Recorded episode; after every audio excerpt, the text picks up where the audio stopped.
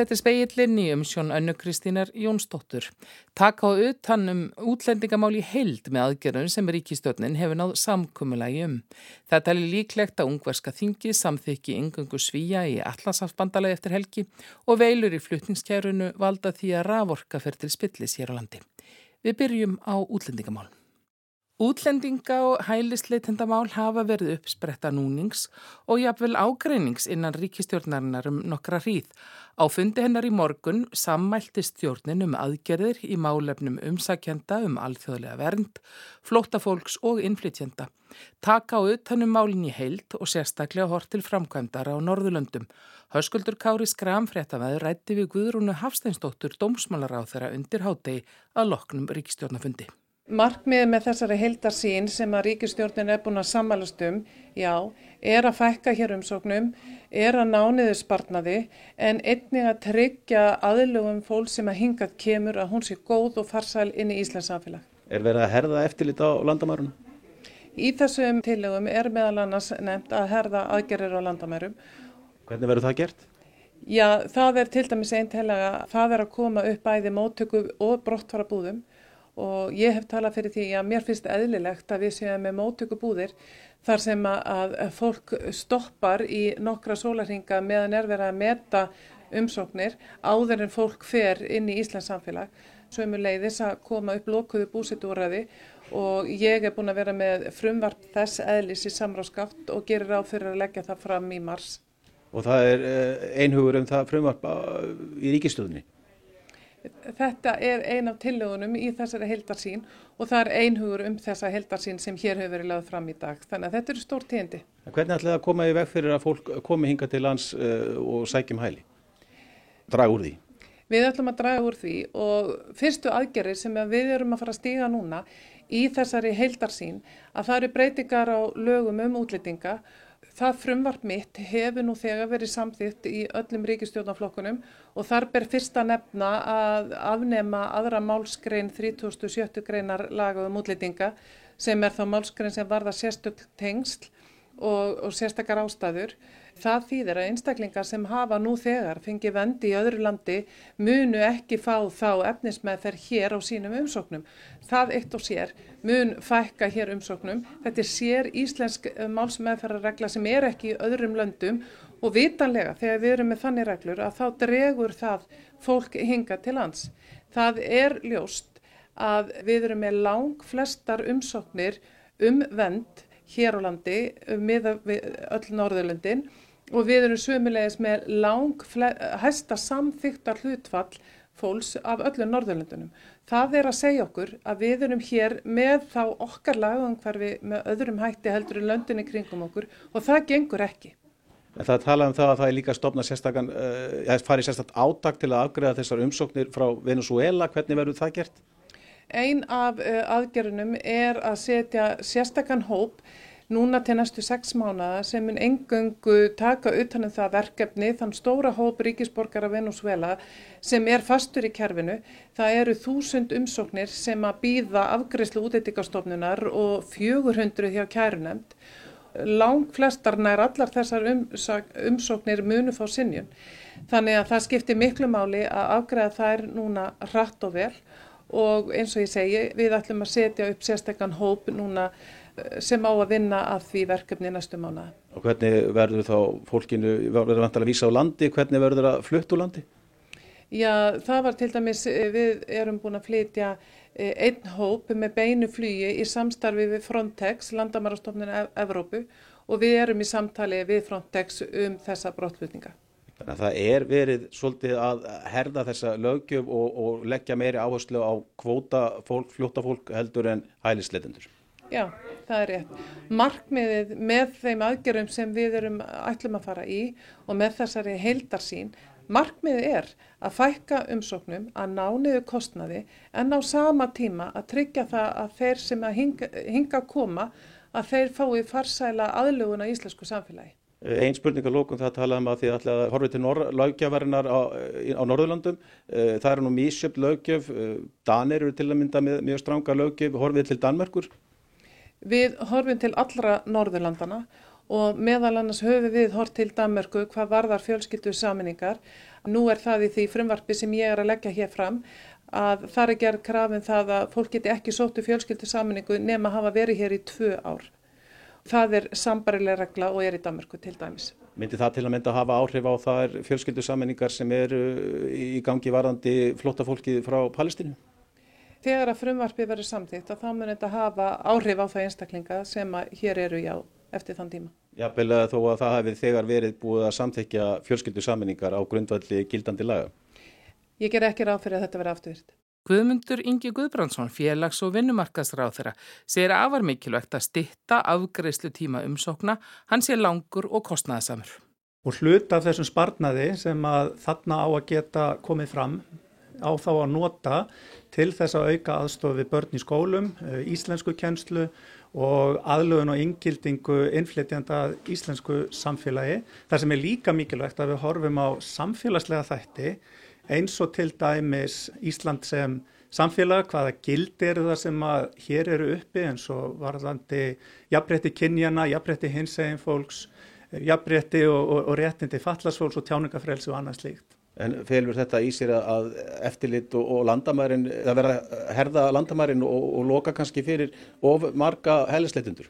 Við erum að horfa á þetta þannig að það getur orðið breytingars í verndarkerfinu, horfa til þess að setja löggjöfina nær því sem er á hinu Norrlöndunum, en á sama tíma líka löggjöf sem að snýra yngilding og aðlögun í samfélaginu þar sem við erum 15 til 20 árum á eftir hinnum Norrlandaþjóðunum og ég legg sérstaklega áherslu á það að með þessum aðgerðað pakka okkar þá viljum við stíga raunveruleg skref til þess að draga úr stjættaskiptingu og jafna tækifæri fólks hér á Íslandi óháð því hvaðan það kemur. En er markmiðið að draga úr komu eh, flótamann og hælisleitenda hinga til lands? Já, þar erum við að horfa til þess að það drægi úr eh, komu þeirra sem Eh, eru með vernd annar staðar mögulega þeirra sem eru kannski ekki líklegi til þess að fá vernd vegna þess að þá er fólk að býða í kerfinu en á sama tíma að við reynum þá að taka á móti fólki sem að er í mjög mikilli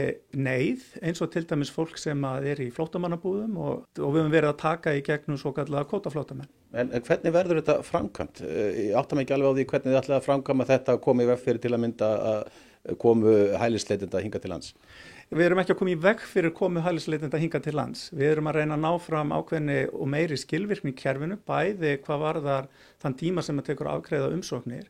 En síðan er dómsmálar á þeirra með, eh, kemur mun koma fram með lagafrumvar sem að færi reglurnar eh, eitthvað nær Norðurlöndunum en samt á þann hátt að við séum að horfa til þess að taka á móti fólki hér áfram en það eru alþjóðlega skuldbindingar sem við höfum undirgengist í þeim efnum. Voru menn sammála í veríkistjórnaborðið að það þyrta að gera eitthvað eh, mikið í þessum álaflokki miða við stöðuna eins og neyri dag?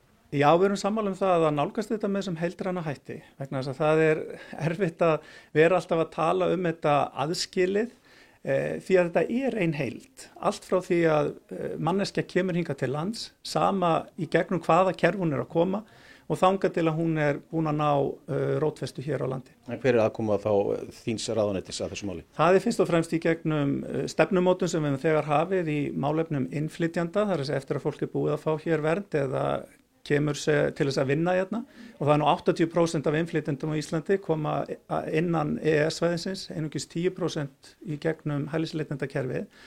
Aðkoman er þá fyrst og fremst til þess að styðja við þessa ingildingu í samfélagi aukna samfélagsfræðslu, íslensku uh, kunnáttu fólks og síðan er líka þarna sem að tengist verkefnum helbreyðisráðuneytisins um að taka utanum fólk hvað varðar geðhelbreyðismál, varðandi áfalla streytuhjálp og, og, og fleira. Þannig að þetta er mjög heilstæðu pakki, eh, snýr líka að atvinnuleifum og að halda áfram að þróa það kerfi Og eru menn líka samála um að, að það þurfi að koma upp eh, lokuðu búsötu úræði fyrir þá flótamenn sem að hafa fengið sinjun?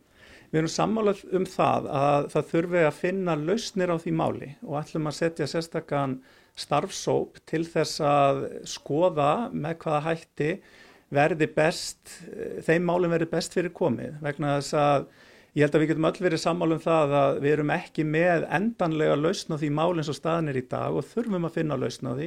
Þannig að við viljum setja það í sérstakann eh, farveg þá á milli eh, stjórnaflokkana þannig að fleiri komi að þeim málum. Eh, var einhver ágrinningur um ríkistjóðuna um útfæsluna á þessari aðgerðar áallum?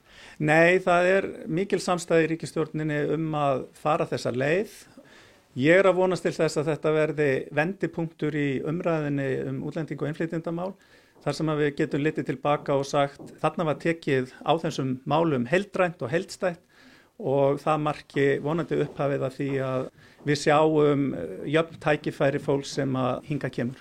Sagði Guðmundur Ingi Guðbrandsson, höskuldur Kári Skram rætti við hann og Guðrúnu Hafsteinsdóttur.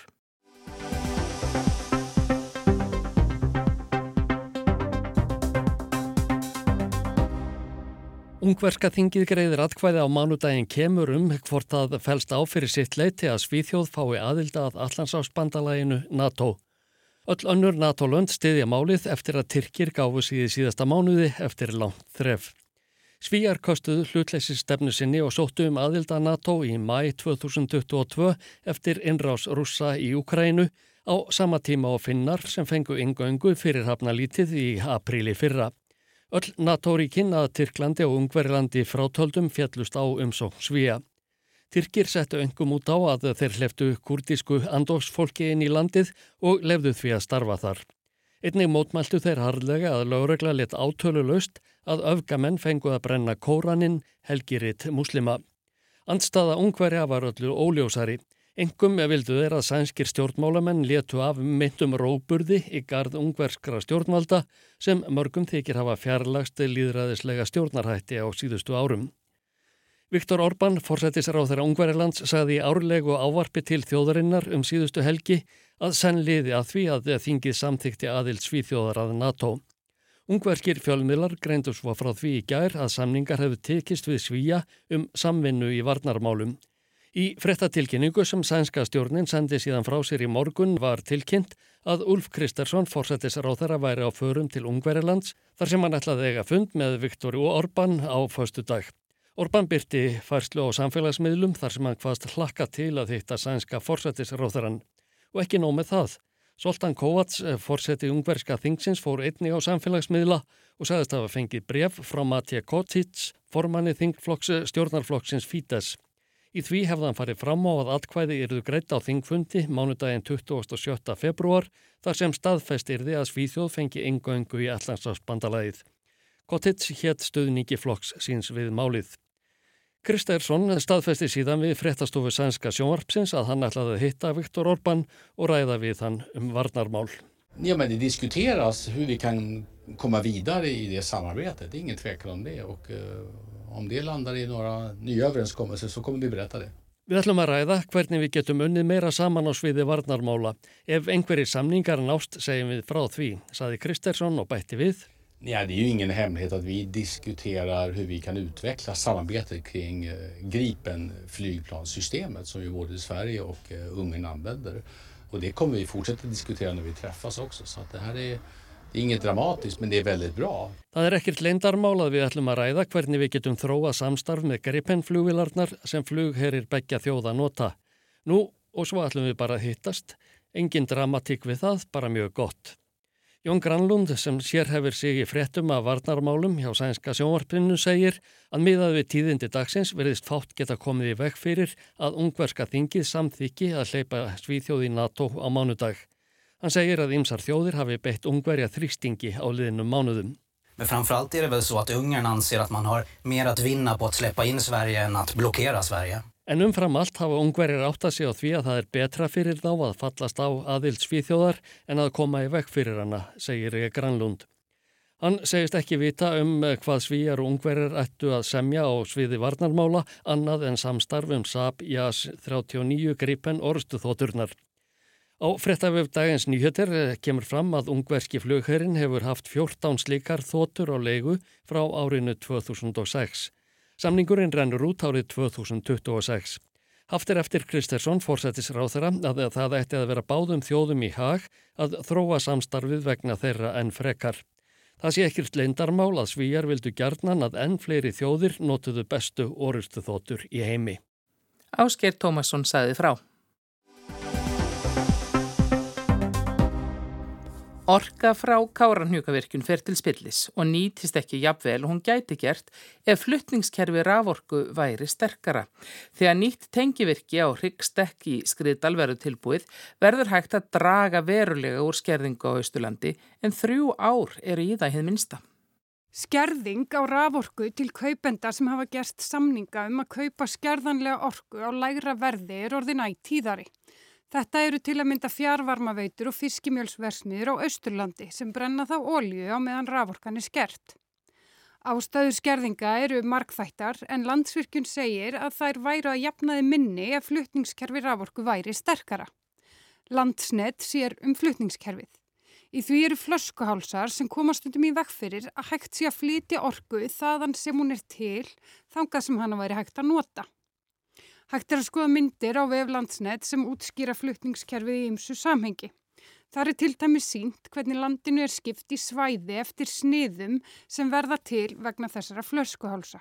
Sniðin segja raun og veru hvað við getum flutt mikla rávorka millir landsluta eða einhverja svæða. Þau ráðast að því hvað einstakar línur í, í einhverjum ringa, í þessu tilfelli byggðalínu ríknum, geta flutt, flutt mikla rávorku án þessa yfirlestast eða bara stopna afhendingarurki í hættu. Segir Gnýr Guðmundsson, forstöðumæður kerfistróunar hjá landsniti. Byggðalínan er eins konar ringvegur fyrir rafmagn um landið. Já, byggðalínan er, hún er það sko og hún var byggð sko ára 1972 til 1984 og var náttúrulega byggð fyrir miklu minna rávorku kerfi heldur en við erum með í dag. Það er náttúrulega markvaldast rávorku notkunnin í landinu bæði, bæði bara út á hérna auknum yfirnaði og náttúrulega miklu fleira fólki sem býr á landinu. Og þetta eru bara línur á lágu spennustíð þar á 130 kV spennu og flytja ekki mjög mikið. Og mögulegan sem við höfum í dag til þess að flytja á milli landsvæða eru svona um 130 til 150 megavött og við þurftum að hafa svona peisva til þrýsasinu meiri flutningsketu til þess að vel megi vera. Gnýr segir að með betri flutningsketu væri hægt að nýta virkjanir sem fyrir eru mun betur.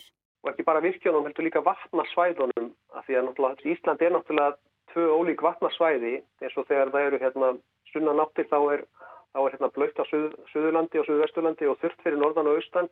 Og í norðan áttum þá er það öfugt og, og við erum með uppustöðulón bæð á Suðurlandi og norður og austurlandi og, og það er mísjart hvað rennur mikið inn í þessi lón á hverju ári. Vegna þessa þyrsti að vera hægt að miðla orku betur á milli landsvæða þegar við getum flutt meiri orku á milli landsluta á þessu tímabili sem það verða að renna í lónin, þá væri hægt að stýra kersluvirkjanan á norður og austurlandi og, og söðurlandi á móti þannig að að hámarka það vatn sem rennur í lónin að því að dag er þessi lón að fara á yfirfall og í Hálsalón það á, fór á yfirfall bara í júli á þessu ári og var að renna þar yfir í tvo mánuði fram í lók september og það er raun og veru orka sem er að tapast úr kerfinu og það er þessi orka sem við viljum ná þú veist þetta er bara íkildi þess að byggja heila virkun með því að reyna að laga þessa flutnískettu og nýta þetta reynsli betur.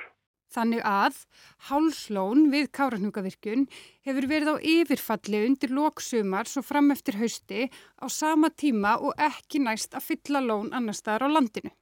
Ef hægt væri að keira virkununa við Káranhjúka á fullum afkvöstum og sapna meira vatni í lón annar staðar kæmi síður til skerðingar. Eins og staðinni núna er það snið 3B sem hefur einna mest að segja hvað varðar afhendingar öryggi raforku. Það er eins og U í læginu og liggur þvert yfir landið. Já, þetta, liggur, þetta snið, þessi flösku ás, það liggur í vestur átt frá blönduvirkjun og í austur átt, austur og suður átt frá fljótstalsvirkjun. Þannig að blöndósið fyrir utan þetta í, í vestur og öst, austurland eða östfyrðir eru fyrir, eru fyrir utan þetta líka í, í hérna hináttina. Það er lína frá fljótstal og niður á Hryggstekk. Uh -huh. Hryggstekkur í skriðdal er sko tengipunktur austurlands við kerfið og Hryggstekkur er bara tengtur með gömlu byggðalínunni í rauninni og, og þetta snið afmarkast af línum sem liggur frá blönduvirkjun og inn á blöndós og frá fljótstalstöð og inn á skriðdal. Skerðing á raforku sunnan og vestan við þetta snið tók gildi 20. januar og stendur fram eftir vori. Erfiðara hefur verið að tryggja raforku á því svæði en norðan við snið 3B síðustu ár. það hefur verið þannig upp á síðgasti að það er meira innrensli í lónin á norður og austurlandi. Horfum inn fyrir þennan flöskuháls, uh -huh. þá eru, það eru fleiri virkjanir, það er fljótstalsvirkjun eða kárnungavirkjun, uh -huh. það er blönduvirkjun og það er krabla og það er festareikir og, og fleiri svona minni virkjanir á þessu svæði. Og þessa virkjanir geta bara búið til orgu, af því að við getum ekki gemt orguna, um, það geta bara búið til orgu sem er nótuð innan þessa flöskuháls pluss það sem við getum flutt út úr flöskuhálsnum í gegnum flöskuhálsin sem eru eitthvað 130-150 megawatt og ef notkurinn innan þessa flöskuháls er, er það lítil að, að það er ekkert að kera þessa virkjanur á fullu þá er náttúrulega ekki takt að kera þær þá bara fyllast lónir ræðar og svo faraður bara yfirfall. Þannig að við erum með virkjun sem að gæti annað orkuþörfinni og framleitt þá orku sem þarf en fluttningskerfið er ekki nóg gott. Já, það er bara þannig sem þetta, það er bara akkurat málið. Ein af þeim framkvæmdum sem fyrirhugaðar eru til að bæta flutningskerfið og nýta virkjanir betur er nýtt tengivirki á Hryggstekki skriðdal. Með því verður hægt að flytja meiri orku frá Káranhugavirkun til Östfjörða þar sem þeir myndu færast norður fyrir snið 3B. Þá fara þeir inn fyrir þennan flöskuháls, allir Östfjörðir. Það er svæðið suður að teigarhorni í Berufyrði. Gnýr segir að það myndi draga verulega úr skerðingum á raforku á Östurlandi þó að til hennar gæti áfram komið. Ekki er þó útlitt fyrir að tengjavirkið verið tilbúið fyrir enn 2027. Okkar áallanir, þetta er náttúrulega bara einn forgáðsluðunar æfing. Við erum náttúrulega með takmarkaða fjárfæstingar getu og svo erum við náttúrulega bara að rafa fjárfæstingar út, út, um all land og meðal annars ég að reyna að byggja nýja, nýja beðalínu að því að hún mun gefa okkur ennþá meiri ávinning. Og svo hefur við verið að byggja undibúa Östurlandskerfið áður fyrir þá var það reikið á lægri spennu. Við erum búin að vera að styrkja Östurlandskerfið svo það er fyrst núna sem það er raun og veru orðið tilbúið fyrir þessa uppfæslu þetta er gott að geta gert allt í einu en það, bara, það er bara því miður ekki hægt. Saði Gnýr Guðmundsson hjá landsneti. Ástallín Magnúsdóttir tók saman Fleir er ekki í speklinum, tæknimaður var Kári Guðmundsson. Veriði sæl